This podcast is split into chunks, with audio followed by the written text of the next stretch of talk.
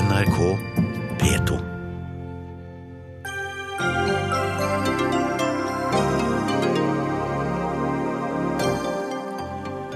Kritikken hagler mot regjeringen som nå vil åpne for oljeboring i Lofoten og Vesterålen.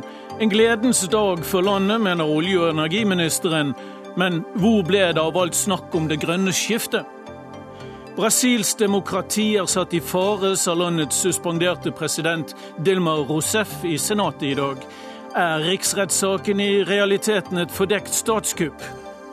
Total uforstand i Amanda-komiteen og prisen for beste regi droppes fra TV-showet, mener filmregissøren Erik Poppe. Hvem tar ansvaret og går av?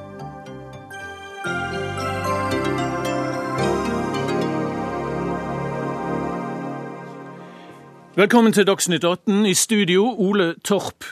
Vi skal også snakke om reinsdyrene som ble drept av lynet på Hardangervidda.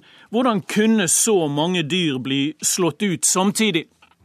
Men først i sendingen til norsk oljepolitikk. På et kanskje ikke helt tilfeldig tidspunkt sier statsminister Erna Solberg til Dagens Næringsliv i dag at Lofoten og Vesterålen nå bør utvikles for oljeutvinning, og at det er viktig for verdiskapningen her i landet. Uttalelsen kommer samtidig med at den store oljemessen i Stavanger åpner, og reaksjonene fra politisk opposisjon og miljøorganisasjoner er ikke uventet nokså sterke. For den blå regjeringen åpner altså for at det kan letes etter olje i nye områder når flere konsesjoner skal tildeles neste sommer. Vi har et stort panel her, og vi har ikke Erna Solberg med oss, men vi har til gjengjeld Tord Lien, olje- og energiminister fra Fremskrittspartiet, eh, med fra Stavanger. Eh, Tord Lien, du har sagt i dag at dette er en gladdag for landet. Hva mener du med det? Ja, Nå tror jeg det er viktig å skjelle de to forskjellige temaene eh, som har skapt noe debatt i dag. Eh, det ene er jo at vi i dag, eh, i tråd med gjeldende eh, norsk petroleumspolitikk gjennom flere tiår, har kunngjort at vi ber oljeselskapene nominere nye områder for oljeaktivitet for tildeling sommeren 2018 i det vi kaller for 24. lisensrunde. Ja. Men så har jo statsministeren i dagens Dagens Næringsliv sagt at eh, hun eh, ønsker å eh, jobbe med målsetning om å åpne Lofoten og Vesterålen for olje- og gassaktivitet etter valget i, i 2017. Eh, det kan man jo forstå at eh, folk har forskjellige oppfatninger om, men at det er overraskende at partilederen i Høyre, i likhet med min egen partileder, er for åpning av Lofoten og Vesterålen, som vi har gått til valg på gjentatte ganger, eh, finner jeg noe mer underlig. Det å gi industrien tilgang på nytt areal er, er selve nøkkelen og grunnlaget for at vi kan skape hundretusenvis av lønnsomme arbeidsplasser langs hele kysten. Eh, det har denne regjeringa lagt til rette for, og det er selvfølgelig målsettinga målsetninga til regjeringspartiene at vi også kan åpne Lofoten og Vesterålen etter valget. Det har vi forstått. Og når Erna Solberg sier i Dagens Næringsliv i dag at man bør utvikle eh, Lofoten og Vesterålen, så oppfatter du det som et klarsignal nå? Jeg er glad for at eh, statsministeren, eh, i likhet med min egen partileder, er veldig tydelig på hva som er Fremskrittspartiet og Høyre sin politikk når det gjelder åpning og konsekvensutredning og åpning av eh, havområdene utenfor Lofoten og Vesterålen. Men det jeg først og fremst har uttrykt at jeg er glad for i dag, det er at vi kan fortsette den gode politikken denne regjeringa har ført, med å sørge for at industrien får tilgang til areal i de områdene som allerede eh, i stortingsperiodene tidligere har blitt åpna eh, for olje- og gassaktivitet. Bare så det ikke er noen forvirring om dette, på regjeringens hjemmeside i dag så står det altså at på første side at regjeringen sitat, inviterer med dette oljeselskapene til å nominere blokker som de ønsker skal være en del av den 24. konsesjonsrunden'. ikke sant? Det er helt riktig, men det står også eh, i, på eh, regjeringas eh, sine sider at vi selvfølgelig inviterer oljeselskapene til å nominere areal i de områdene som er åpna for olje- og gassaktivitet. Mm, okay. Hvor ligger det grønne bærekraft i dette, Lien? Altså, Vi har eh, over år eh, på norsk eh, sokkel operert med strenge krav til helse, miljø og sikkerhet. Helt siden tidlig på 90-tallet har norsk oljeindustri blitt møtt med ei, høy avgift på utslipp av klimagasser, noe mm. som gjør at vi produserer rent og med lave klimagassutslipp. Men her er det vel også snakk om at man skulle få til et grønt skifte, ikke sant? Ja, og se på, se på hva som skjer takket være det nye flertallet når det gjelder f.eks. utbygging av vindkraft. Bare i år er det beslutta utbygd mer vindkraft enn det til er bygd ut eh, før eh, året i år. Det viser at eh, det nye flertallet som vi fikk i 2013, aktivt har lagt til rette for at vi også skal styrke den fornybare kraftproduksjonen. Det vil skape lønnsomme arbeidsplasser på lang sikt, samtidig som det selvfølgelig er regjeringas mål å legge til rette for å videreutvikle Norges største og aller viktigste industri, oljeindustrien. Okay. Vi har med oss Ola Elvestuen, også som er nestleder i Venstre og leder av energi- og miljøkomiteen på Stortinget, også med fra Stavanger. Elvestuen, hvor troverdig er Venstres garanti om at statsbudsjettet neste år skal bli det grønneste noen gang, når dere samtidig støtter en regjering som vil starte oljeutvikling i, i, eh, i et område der naturressursene er så sårbare som i Vesterålen og i Lofoten? Naturverdien utenfor Lofoten, Vesterålen og Senja er jo like viktig i dag som det har vært i tidligere. Det er den siste robuste torskestammen i verden. og det er klart at eh, For Venstre så er dette en like viktig kamp eh, nå, og blir det neste år, som det har vært tidligere. Så Det eh, statsministeren inviterer til, er jo at det her blir en ny kamp. og Vi legger til grunn at denne vinner vi også neste gang. Når det ja, gjelder din, grønne... din partileder Trine Skei Grande, og i og for seg også nestleder Terje Breivik, gjentar jo i DN og overfor NTB i dag i ettermiddag at, eh, at, dette er et løfte å beskytte Lofoten og Vesterålen. Mm. Og sier det er blant Venstres aller viktigste saker. Så det betyr et klart nei fra dere, altså. Ja, det sa vi ved forrige valg, at dette står øverst på lista. Det kommer det til også å gjøre til neste år, som vi har holdt petroleumsaktivitetene unna. Lofoten, Vesterålen og Senja hele veien uh, siden tidlig på 2000-tallet. Så for å si det på fint, det er et ultimatum, et ultima, ultimativt krav om at regjeringen dropper enhver tanke om en slik utredning? Dette er den viktigste kampen eh, som vi tar, og vi legger til grunn at vi vinner fram. Det var ikke det jeg spurte om. Jeg spurte om det var et ultimativt krav. Og jeg sier at dette er den viktigste saken vi har. Det står høyest på blokka. Vi legger til grunn at vi vinner fram også neste gang. Men forstår du at Venstres miljøtroverdighet kanskje er i spill her? Nei, um, Overhodet ikke. Jeg mener jo at det er det ett område vi virkelig har vist vår betydning, så er det jo i forhold til Lofoten, Vesterålen og Senja. Det er ingen aktivitet. Vi har klart å oppheve det som er tyngdepunktet på Stortinget, og det flertallet som er på Stortinget gjennom flere perioder. Det skal vi også klare neste gang. Ellers så er det jo riktig som Tord Lien sier, ja det er en satsing på fornybar energi.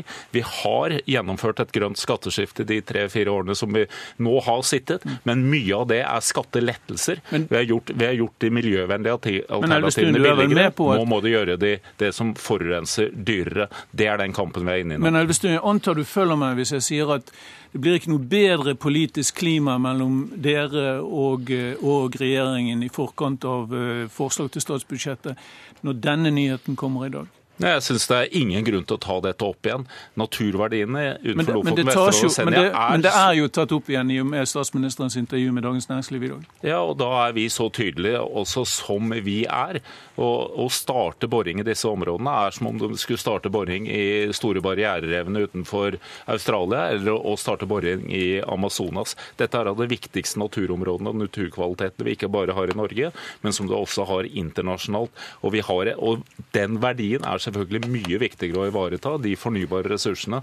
Mye viktigere å ivareta både for Norge og for verden enn den eventuelle oljen som må, måtte være der. Er det, også viktig å ta vare på, er det også viktig å ta vare på enn det samarbeidet dere har med regjeringen? Det som er viktig, er jo å vinne fram, som vi gjør nå. Det som er viktig, er, er at det ikke er petroleumsaktivitet utenfor Lofoten, Vesterålen og Senja, og at vi bruker de posisjonene som vi har for at det er den virkeligheten som også videreføres.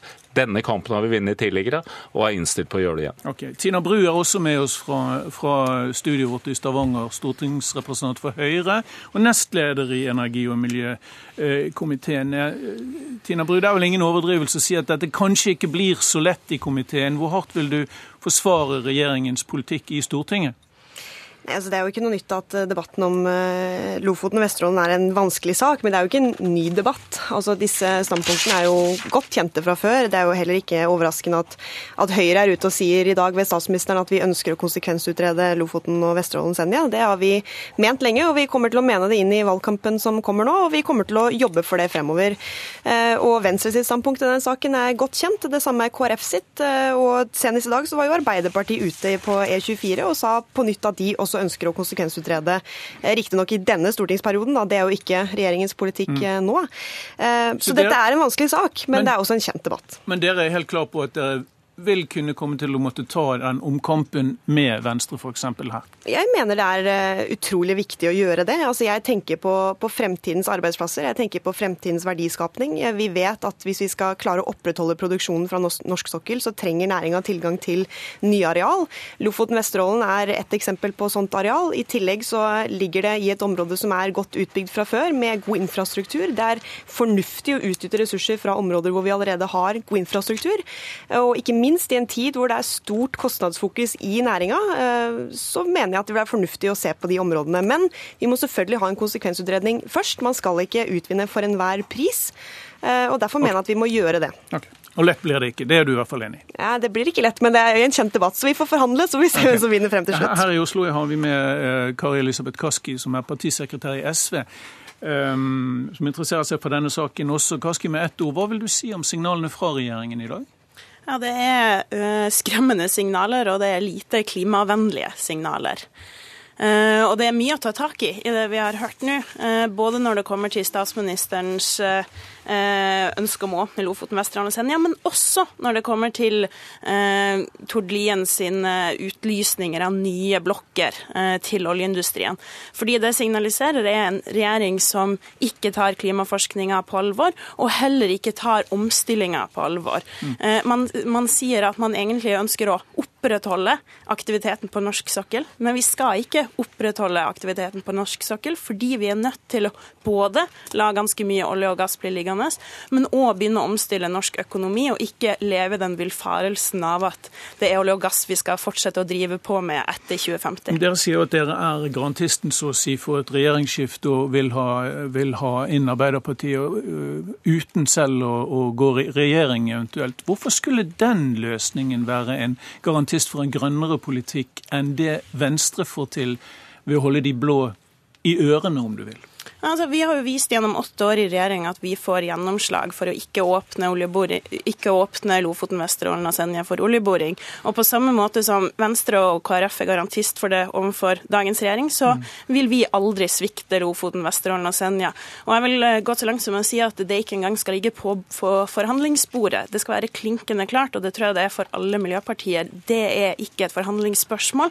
Vi skal ikke åpne Lofoten, Vesterålen og Senja, men vi må også begynne å diskutere det øvrige øvrige oljetempoet på norsk sokkel. Så du mener at SV har større troverdighet enn Venstre har i dette spørsmålet?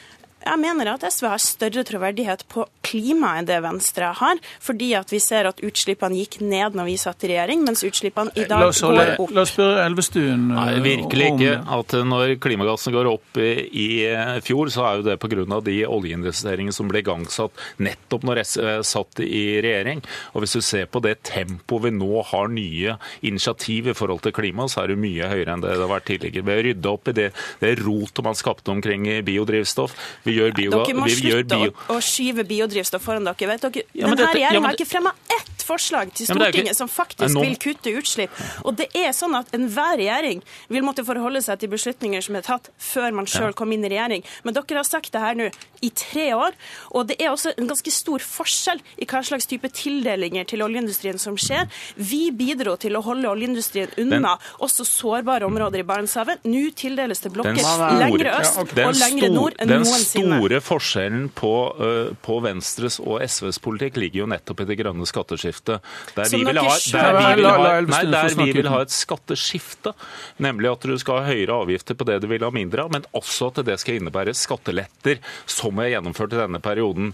Både når det gjelder personbeskatning, men også andre områder. Akkurat som vi nå f.eks. setter ned prisene på månedskort på jernbane nå fra 1.10. Dette skal henge sammen. Okay. Men, men, for SV så er det jo bare økninger og skatteøkninger som ligger til grunn for politikken. Men la oss holde oss til olje. Eh, for de av oss som faktisk ønsker en olje- og gassnæring i Norge i, Bru, ja. i, takk skal du ha, i fremtiden, så må jeg si at jeg blir bekymret av å høre på, på SV i denne debatten.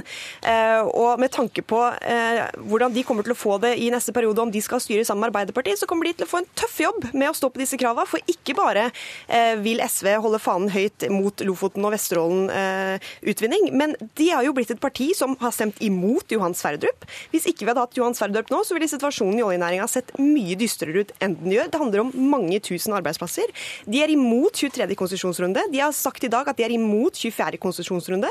Hvordan de skal klare, eller hvordan Arbeiderpartiet skal klare å styre sammen med SV, som har lagt seg på den linja i oljepolitikken, og sammen med MDG, som vi vet de er nødt til å ha med okay, seg for å få flertall. MDG er ikke her.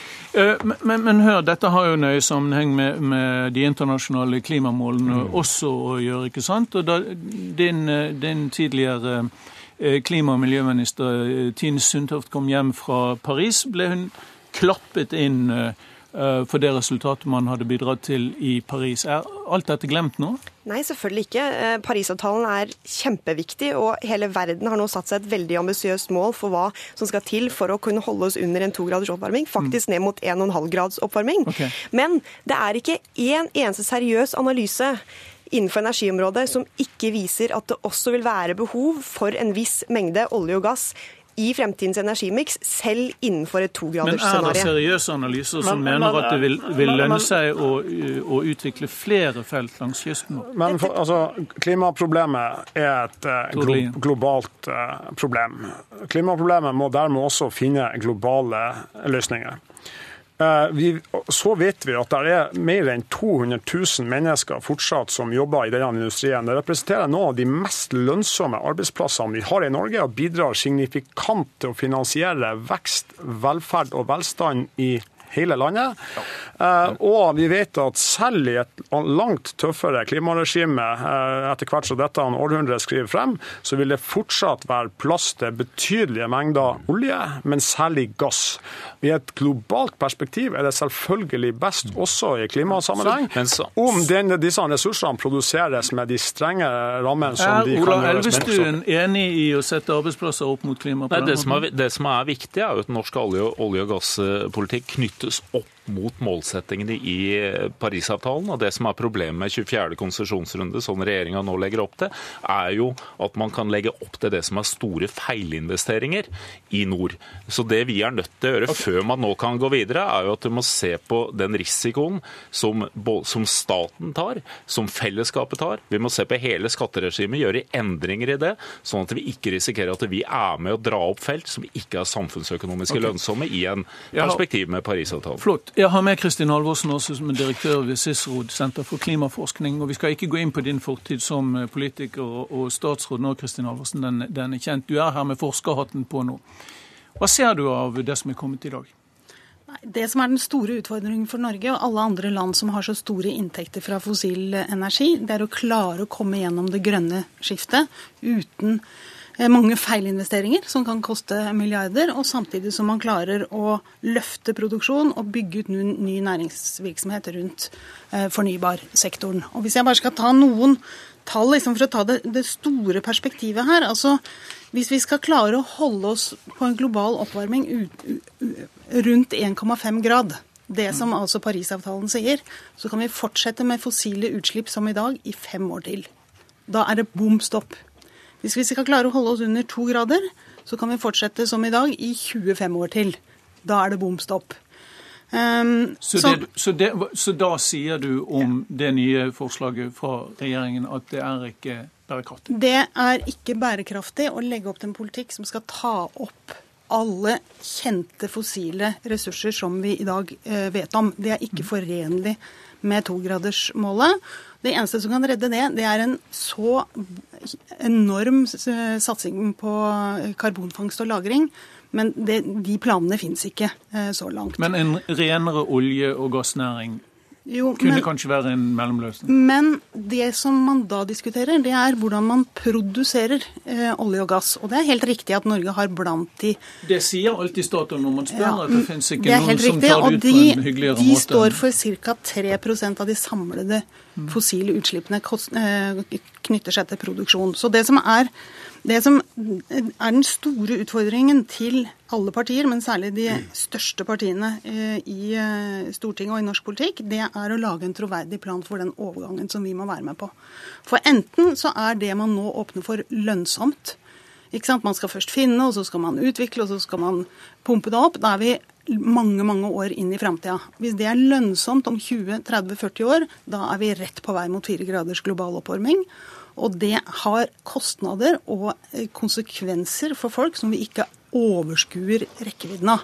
Men, men altså bare for et par-tre uker siden hadde vi noe regnskyll på østlandsområdet som kosta forsikringsselskapene rundt 300 millioner kroner. Mm. Det er en veldig hva skal han si, forsiktig forsmak på hva vi kan eh, vente oss. Mm. Og Enda har vi ikke hatt tid å snakke om torsken som uh, gyter, og all turistnæringen og alt vi har uh, å styre med i Senja og Vesterålen, som også uh, spiller inn. Men på Vestlandet roper man på arbeidsplassene.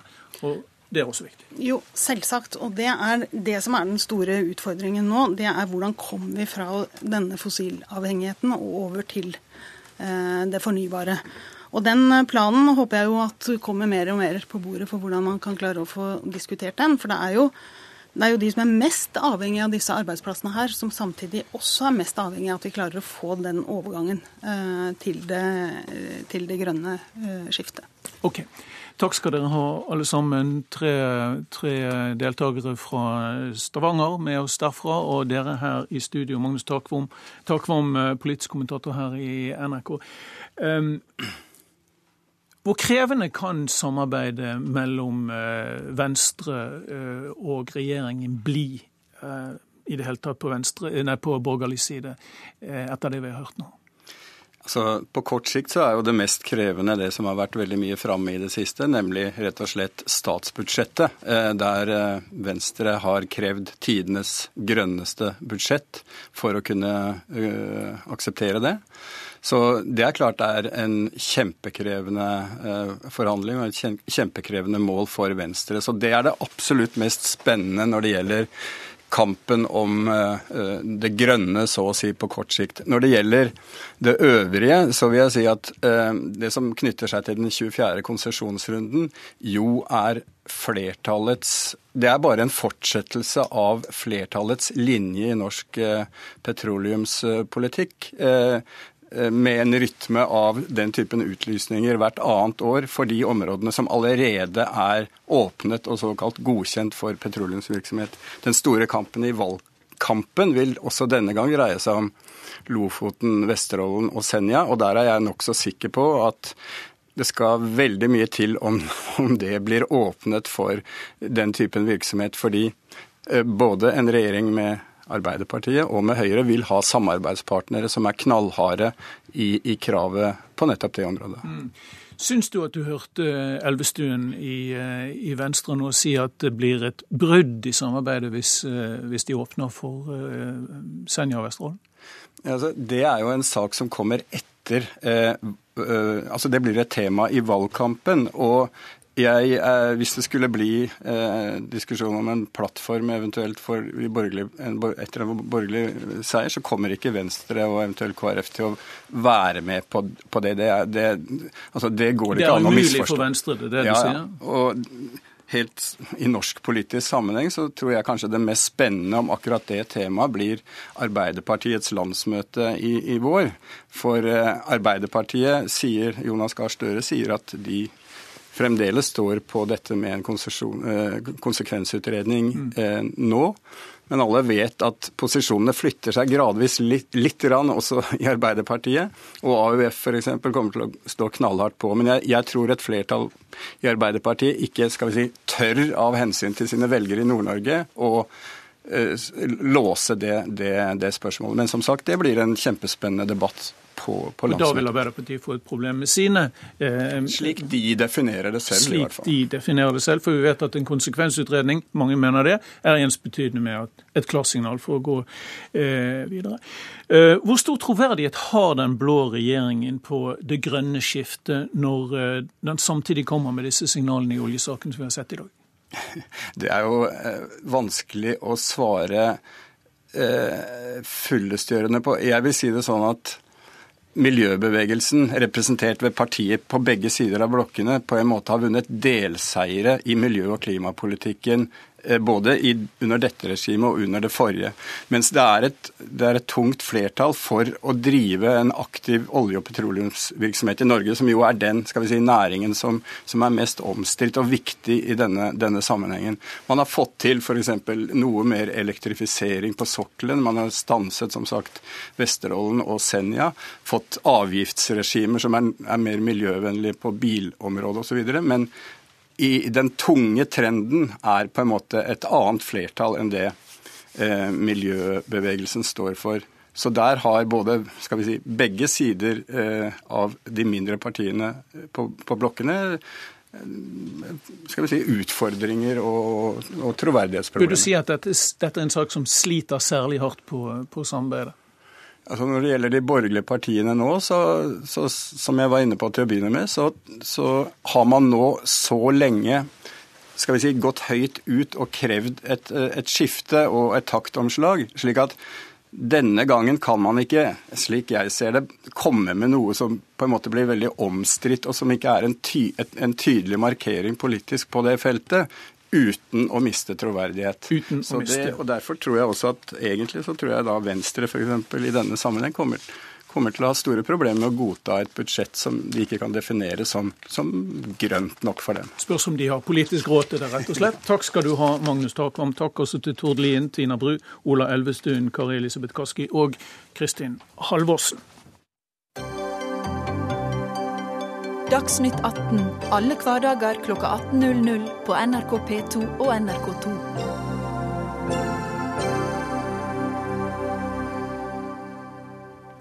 Hva skal vi med nasjonal filmpris som viser total uforstand med premissene for hvordan film skapes?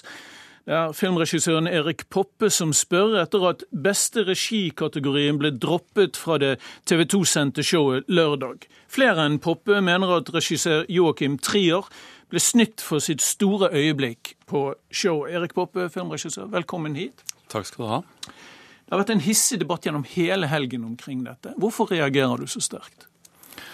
Eh, jeg reagerer eh, i likhet med veldig mange med nesten en vantro hva i all verdens navn er det nå som har skjedd? Ehm, vi har i flere år opplevd å se at eh, vår nasjonale filmpris eh, blir på en måte behandlet eller beskyttet ganske dårlig, tatt vare på. Den, den blir i møte med en, slags, en seremoni som blir mer og mer blitt til en TV-sending, så har den i og for seg blitt utfordret. Man har gjort mye rart med kategorier man har delt opp. Man har delt opp hele seremonien i noe på formiddagen, der fremragende eh, arbeidere og filmfolk eh, blir på en måte lagt ut eh, i en annen del av seremonien, og så har man lagd denne TV-underholdningen på kvelden, som i og for seg ingen har noe imot. Vi trenger dette utstillingsvinduet for, for norsk film.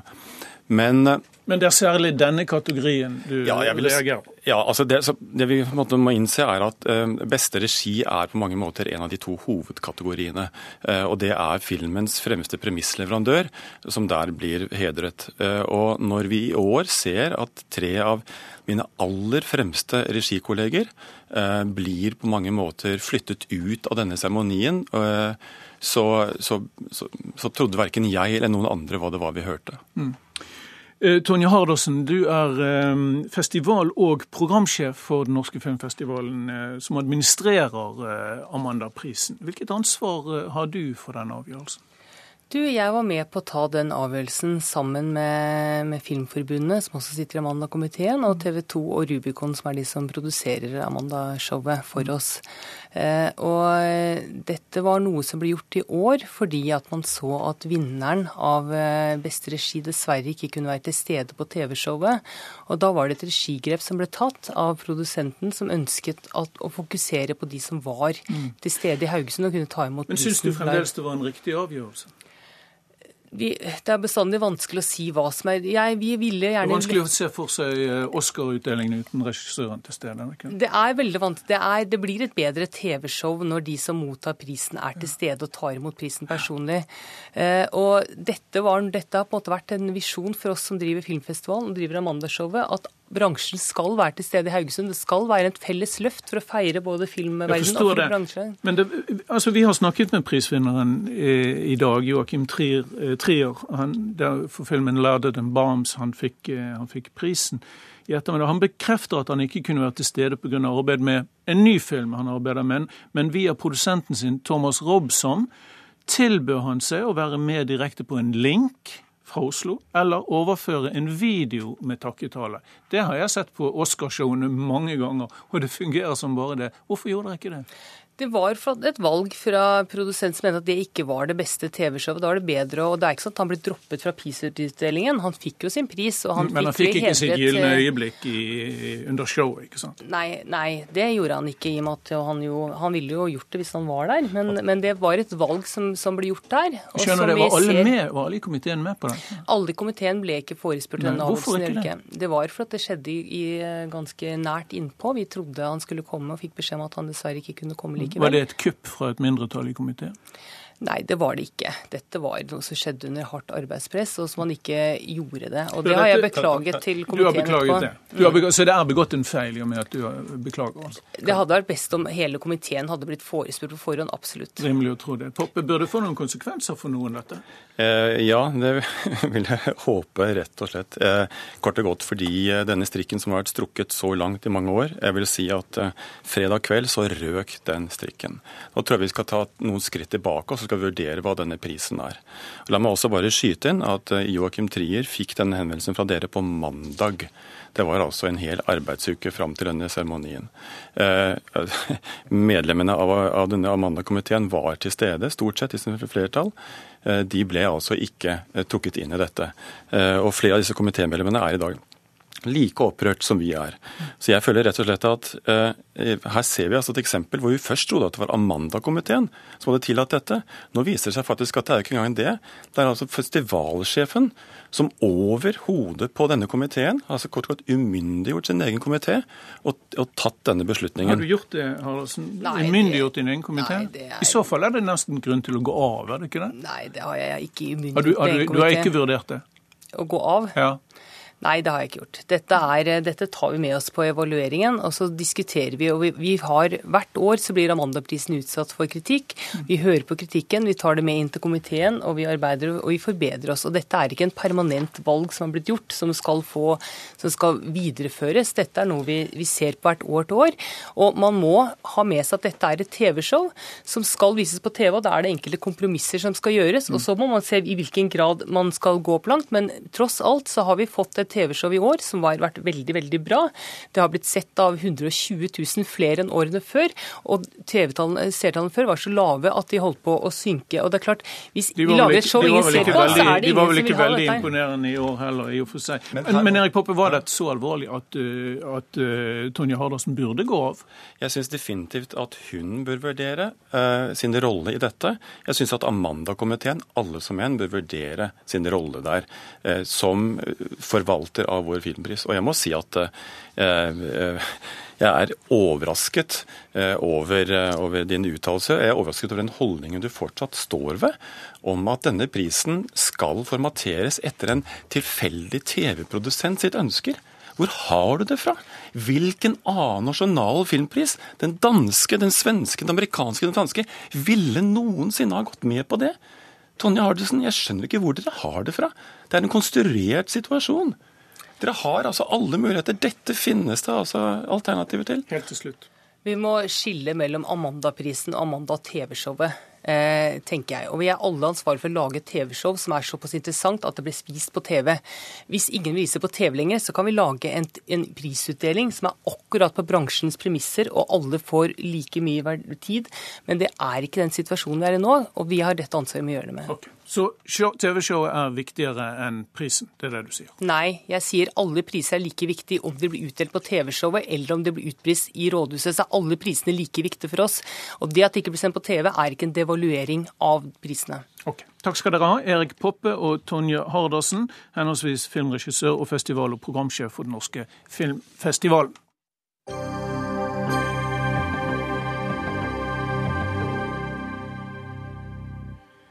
I Brasil nekter den suspenderte president Dilma Rousef for å ha gjort noe som helst kriminelt. I forsvarstalen i Senatet nå i ettermiddag innrømmet hun at regjeringen hennes nok har gjort noen feil, men hun mener riksretten er grunnløs. Og hun beskylder høyresiden i landet for å sette demokratiet i fare for å forsvare sine egne økonomiske interesser. Er det et parlamentarisk kupp vi er vitne til i Brasil? Torkjell Leira, samfunnsgeograf og Brasil-kjenner, gitt ut bok om Brasil og, uh, handler, som handler om de store samfunnsendringene i det store søramerikanske landet. I, I dag har uh, Rosef holdt sin forsvarstale. Hun sier Brasils demokrati er satt i fare ved denne saken. Har hun rett i det? Der er Brasils 200 millioner befolkning, 200 millioner innbyggere veldig uenig. Eh, så svaret på det spørsmålet, også blant jurister og statsvitere, vil variere veldig. Jeg er blant dem som mener at den riksrettssaken her er starta på feil og sviktende grunnlag, og at det er en tilsnikelse å bruke riksrettssak for de eh, sakene som presidenten er anklaga for. Og presidenten sjøl og hennes forsvar sier jo det at eh, hun ikke har gjort noen, noen ting som helst som, som er straffbart. og Uansett så ville at de, eh, forseelsene burde ha blitt eh, nådd av riksrettssak. Forklar meg så kort du kan hva de egentlig anklager henne for. Veldig kort så er president Dilma Rousef anklaga for å ha pynta på regnskapet for regnskapsåret 2014. Eh, og det dreier seg om noen overføringer mellom den statlige Banco do Brasil og, og noen, noen andre noen statlige programmer for landbruk. Og det gjelder også om økningene av kredittramma. Mm. Sjøl sier Forsvaret at det her er helt eh, standard prosedyre. Det har eh, masse presidenter gjort før oss. Mens opposisjonen sier at hun har gått ut over sitt mandat og bestemt ting som egentlig eh, eh, Kongressen burde ha bestemt. Mm, så, og dette skal han ha gjort for å pynte på sitt eget omdømme? Ja, og på, på regnskapet for 2014. Bendikte Benedicte Bull, professor i statsvitenskap ved Senter for utvikling og miljø ved Universitetet her i Oslo. Hvor oppsiktsvekkende er det som skjer i Brasil nå? Det er oppsiktsvekkende fordi det er Brasil. Fordi Brasil har, eh, har opp, bygd opp et sterkt konstitusjonelt demokrati en, med en betydelig maktfordeling med president og kongress, og alt har på en måte eh, demokrati, Demokratiet er blitt veldig styrket de siste årene. Mm. Eh, den type prosesser i en sånn slags gråsone mellom hva som er et kupp, hva som er konstitusjonelt, det har vi sett i flere land tidligere. Men at det faktisk skjer i Brasil, hvor du har hatt såpass sterke institusjoner, det er oppsiktsvekkende. Men Mener du at det er et uh, stille kupp vi ser? Jeg syns kuppbegrepet det synes jeg tøyes litt for langt, eh, litt for langt egentlig. Og det er ikke noe kupp à la det vi så forsøk på i Tyrkia f.eks. Hvilket uttrykk vil du bruke? Jeg tenker en sånn eh, litt illegitim eh, maktavsettelse. Det er ikke noe så catchy som kupp. Men jeg ville ikke kanskje kalle det et kupp. Vi har sett det i andre amerikanske land uten at de nødvendigvis er i Latin-Amerika. ikke sant? Um, er det noen smittefare til andre land i regionen? Det er veldig mange vanskelige politiske situasjoner i Latin-Amerika nå. Og det handler jo om at de, de, regjeringene som har sittet ved makten, er blitt svekket. Ikke minst pga. den økonomiske situasjonen. De har satset mye på høye råvarepriser og bygget sin legitimitet på å fordele penger til de fattige. Og så har det sittet en eh, sterk opposisjon som eh, nå eh, på en måte har mye lettere for å vinne fram på de måtene, og som har, altså en høyreopposisjon, og i mange tilfeller veldig utålmodige, og som er villige til å gå langt. Villige til å gå langt. Torkjell Leira, mange peker på at det Rousseff har gjort, eventuelt har vært gjort mange ganger før i Brasil eh, av tidligere presidenter. Hvorfor blir akkurat hun plukket ut? President Dilma Rousseff har vært ekstremt upopulær i befolkninga av eh, mange grunner. Også det også det at uh, den høyreopposisjonen har fått med seg uh, Dilmas tidligere støtteparti, sentrumspartiet PMDB. Så de hoppa av regjeringsskuta til Dilma Rousef. Dermed så fikk opposisjonen fler, stort flertall i Kongressen.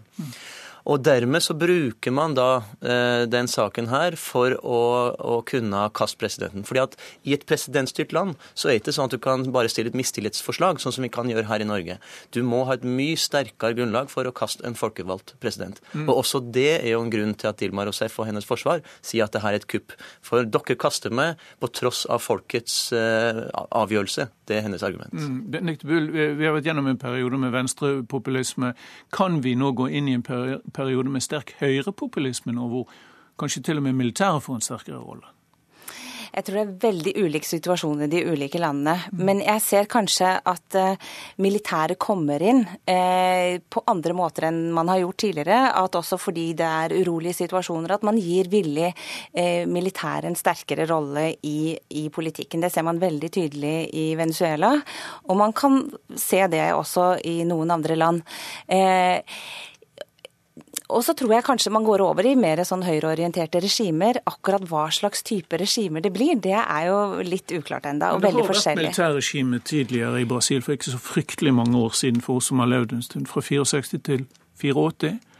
Um, kan det i verste fall eh, bli, bli utfallet utfall igjen, Tor Kjell Eive? Nei, jeg tror ikke det er noe fare for det i Brasil, heldigvis. Eh, militæret har holdt seg veldig tilbake, og jeg ser ingen eh, risiko for det i Brasil av i dag.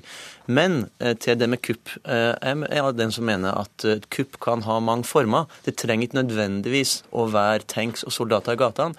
Det kan skje på andre og vel så illegitime måter. Det er det som kalles et stille kupp? Et stille kupp, et parlamentarisk kupp, et politisk kupp. Jeg mener det er det vi er vitne til i Brasil og i dag. Og OL, som vi nettopp så avviklet, hjalp ikke på situasjonen? Nei, det har ikke hjulpet spesielt mye. Det er veldig stor motstand i hvert fall deler av befolkningen mot det som har skjedd, og gitt en, en følelse av at politikerne er villige til å sløse bort penger som kanskje ikke kommer dem spesielt til gode. Det har ikke hjulpet på situasjonen, kanskje tvert imot. Takk skal dere ha begge to, Torkjell Leira og Benedicte Bull. Hør Dagsnytt 18 når du vil. Radio NRK Radio.nrk.no.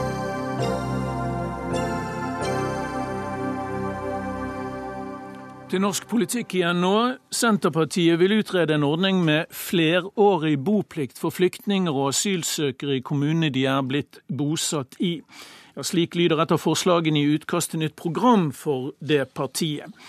Eh, Heidi Greni, du er eh, innvandringspolitisk talsperson for Senterpartiet. Hva skal vi oppnå med å tvinge flyktninger til å bo på et spesielt sted over flere år? Eh, det er jo et tredelt målsetting med det. Først og fremst så må vi jo se på hva vi kan gjøre for å motvirke den getofiseringa vi ser i en del andre land, bl.a. Malmö i Sverige har jo hatt store utfordringer med det. Eh, det at vi får eh, spredt bosetting, og at de har muligheten til å integrere seg med norske miljø, er jo en suksessfaktor for å få til en god integrering. Det andre er jo forutsigbarhet for norske kommuner, som bygger opp et stort apparat for når det gjelder undervisning, barnehage, skole, eh, introduksjonsprogram, arbeidstrening osv. At det skal være en forutsigbar situasjon for de kommunene som investerer veldig mye i å få på plass gode fagmiljø. Men kan dere påvise på noen måte, eller dokumentere at vi går mot slike tilstander som du kan la gettolignende i, i Sverige? Vi ser jo at det er en utfordring allerede i dag på enkelte Oslo-skoler at langt over 90% er fremmedspråklige. Men er, er fremmedspråklige 90 nødvendigvis det samme som en getto? Eh, det behøver det ikke å være, men det er i hvert fall en stor utfordring for de ungene som da ikke får den gratis lærdommen de får med å gå i klasse med norskspråklige. Det er utrolig mye enklere å lære seg norsk språk hvis du omgås andre norske elever, f.eks. Mm. Og vi mener at eh, det mest eh, effektive vil være å sørge for at vi sprer det her over hele landet, sånn at de har muligheten til å integrere seg i, eh, i alle norske kommuner. Og dermed oppebære en slags bosetning på bygden også? Selvfølgelig. Det tredje målet er jo det som et enstemmig storting har sagt gjennom distriktsmeldinga, at vi ønsker å opprettholde bosettingsstrukturen i Norge. Og i dag er det jo sånn at Når det gjelder norske nordmenn, så har vi jo en utpendling fra Oslo. Altså en netto utpendling. Den store veksten i Oslo-området det kommer jo av innvandring. Ikke bare asylsøkere, men arbeidsinnvandring osv. Norske nordmenn, da mener du folk altså, som er født i Norge, eller? Altså Folk med norsk pass, eh, når det gjelder nordmenn, ja. så er det netto utpendling fra Oslo. Alle norske nordmenn er vel eh, ja, ja. de som Men det er i hvert fall utenlandske statsborgere da, som utgjør den store veksten i Oslo-området.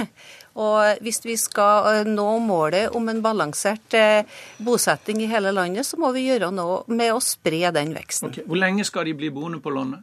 Eh, programkomiteen har foreslått fem år. Det er ikke snakk om å bli boende på landet, det er snakk om at alle kommuner da skal ha en forutsigbarhet når de bosetter flyktninger. Okay. Guri Melby, du er sentralstyremedlem i Venstre. Er det en god idé, dette? Jeg syns ikke at det er en god idé. Eh, for det første så har det jo åpenbart noen liksom prinsipielle betenkelige sider. At folk som da har fått oppholdstillatelse, og som er fullverdige borgere på mange måter i samfunnet, her skal bli tvunget til å bo et sted de kanskje ikke har lyst til å bo. Men jeg tror heller ikke at du greier å oppnå de målene som vi har satt. Eh, nå mener jeg at det er viktigere å fokusere på integreringsaspektet her enn på det å ha bosetting i hele landet. Men det som er litt morsomt, er jo at vi ser jo faktisk at innvandrerne er ganske flinke til å ta hele landet i bruk, som jo er Senterpartiets men, slagord. Men er det ikke et godt poeng at kommunene trenger en forutsigbarhet i integreringsarbeidet? Eh, det gjør det helt sikkert litt enklere, men hovedmålet er jo at folk skal bli integrert og skal bli en del av det norske samfunnet. Og det som det som har skjedd de siste årene, er faktisk at stadig flere flyktninger og asylsøkere blir værende i den kommunen de har blitt bosatt.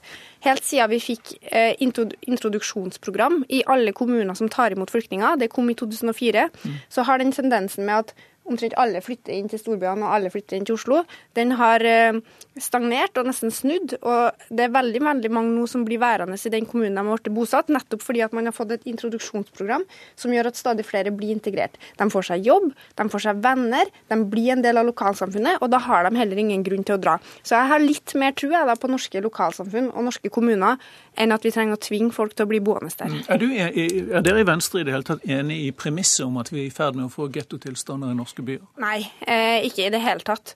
Eh, det er klart at eh, Er det skremselspropaganda? Ja, jeg mener at det er skremselspropaganda. Eh, det har vært veldig mye debatt de siste ukene om, om tilstander på Grønland som jeg ikke kjenner meg igjen i det hele tatt. Jeg går gjennom området flere ganger i uka. Det er klart at eh, det som er utfordringa i Oslo, er at i noen bydeler så har vi mange mennesker eh, som har lav inntekt. Eh, og vi har lav sosial mobilitet blant enkelte grupper, og det er det vi er nødt til å jobbe med. Mm. Eh, men hovedproblemet er ikke andelen med en fremmedspråklig bakgrunn som bor i gitte bydeler. Eh, men det handler om hva slags muligheter vi gir de menneskene, og vi gir de ungene deres.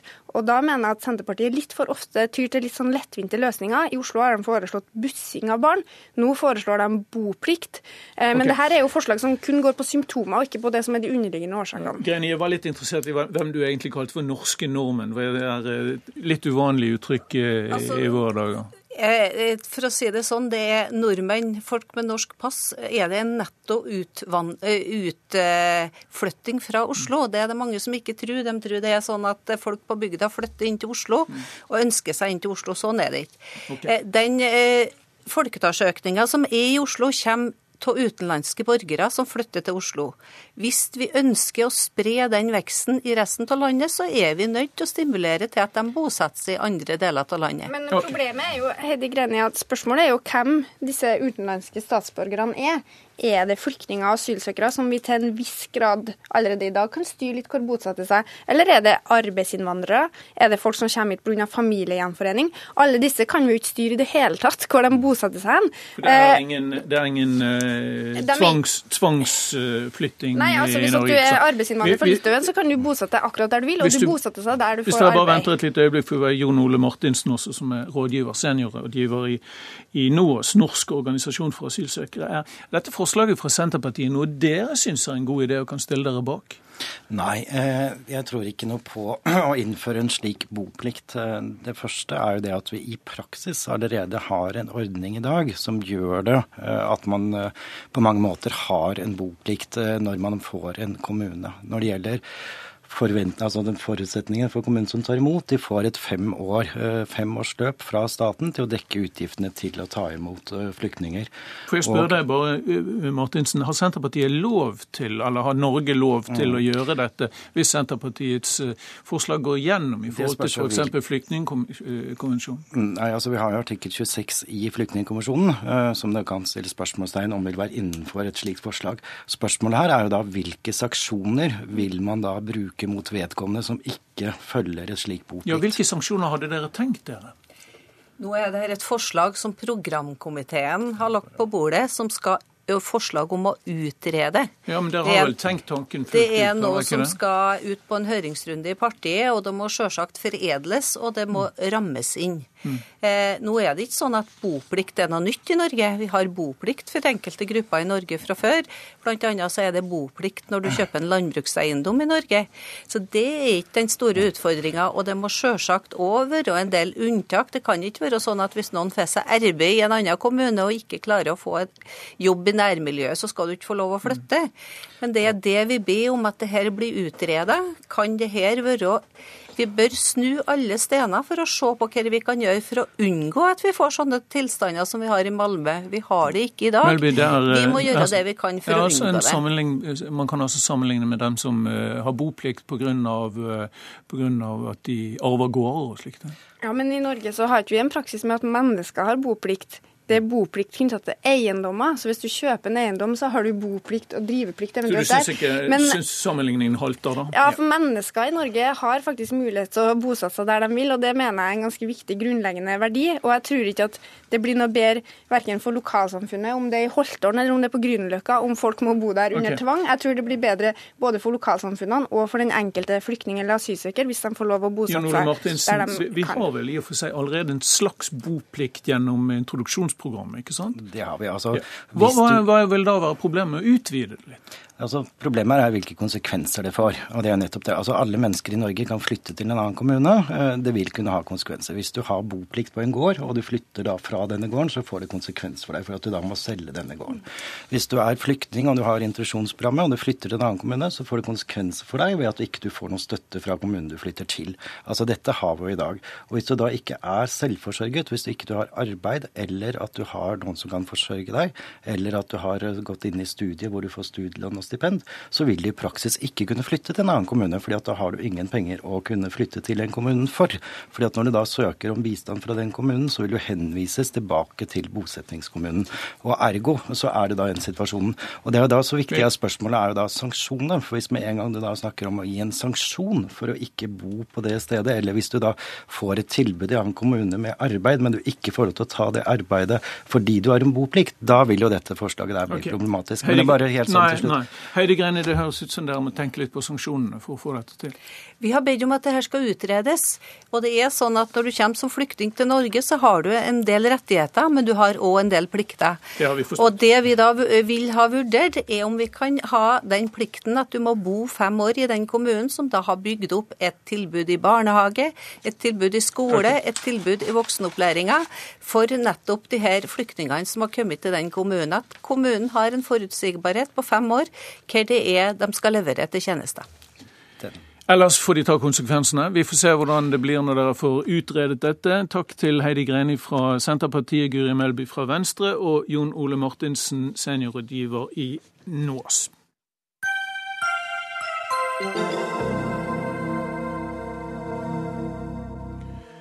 Historien om de flere hundre reinsdyrene som ble slått ned og drept av lynet på Hardangervidda før helgen, går nå verden rundt, så sjelden er den.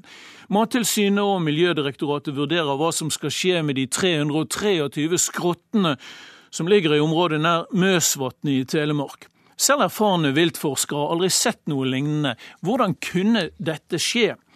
Med på telefonen Olav Strand, viltforsker ved NINA, altså Norsk institutt for naturforskning. Du har jo vært der ved Møsvatn.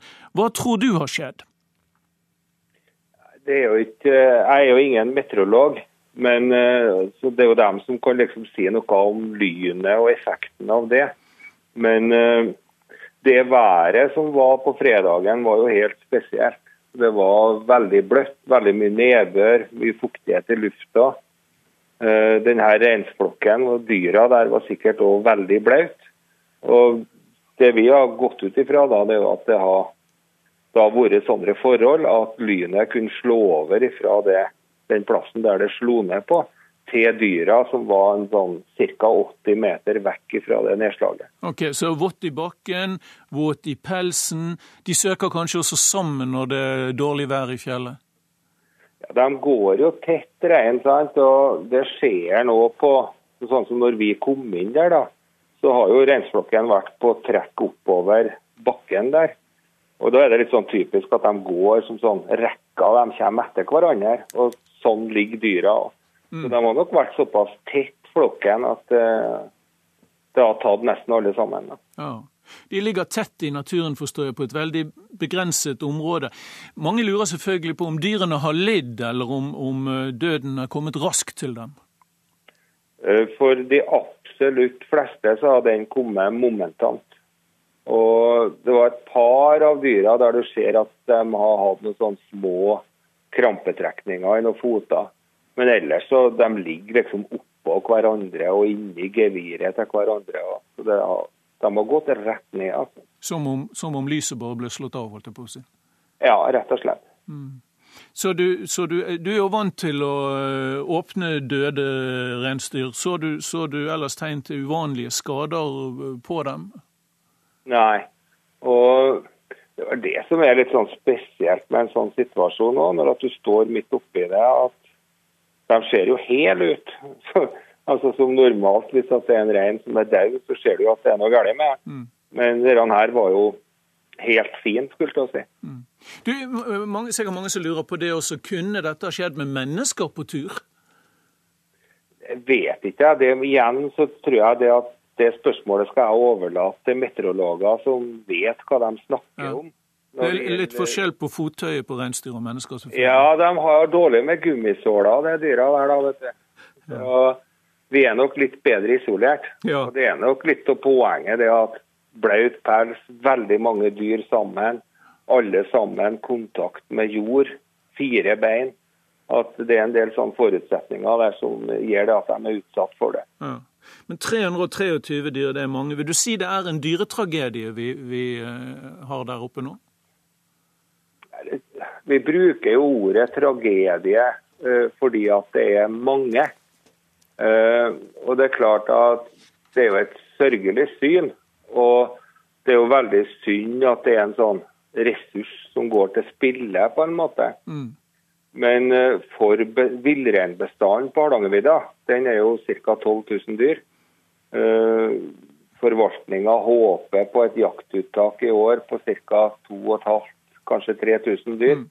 Så I den sammenhengen så betyr det veldig lite i denne villreinbestanden. Ja, skjønner. Olav Strand, takk skal du ha. Det blir, eh, det blir, mye dyr å ta prøver av, og det er vel kanskje godt for denne skrantesykeundersøkelsen som pågår også? Ja, og vi har gjort det vi kan vi nå da for å få nytte av det her døde dyra på best mulig måte. Og De prøvene driver de allerede og tar ut oppe i Lærdal, og de er på vei til Veterinærinstituttet for analyser. Mm. Takk skal du ha, Olov Strand. Vi har med Andreas Wahl også, som er fysiker, kjent fra TV-programmet her i NRK som Folkeopplysningen med, med livet som, som innsats.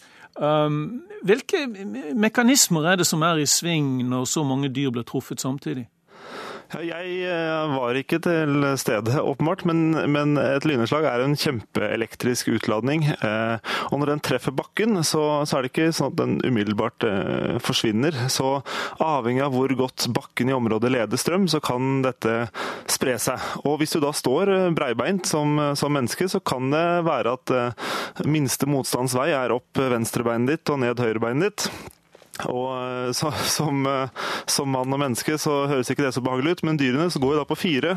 Eh, og da, da vil jo det komme nær, mye nærere hjertet. Så jeg holder en, en knapp på at, på at, her er det strøm som har passert hjertet, og det skal ikke mange amperene til før hjertet begynner å fibrere og slutter å slå jevnt og trutt. Rein, reinsdyr har jo horn på seg, er, er, det er kanskje et veldig dumt spørsmål. Men er de spesielt utsatt for lyn pga. hornene, tror du?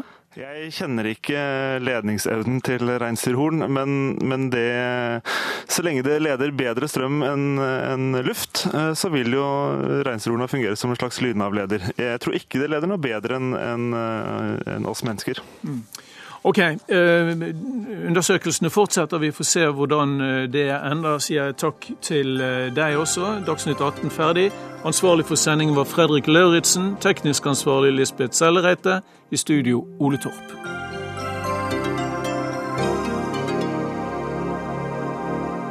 Hør flere podkaster på nrk.no podkast.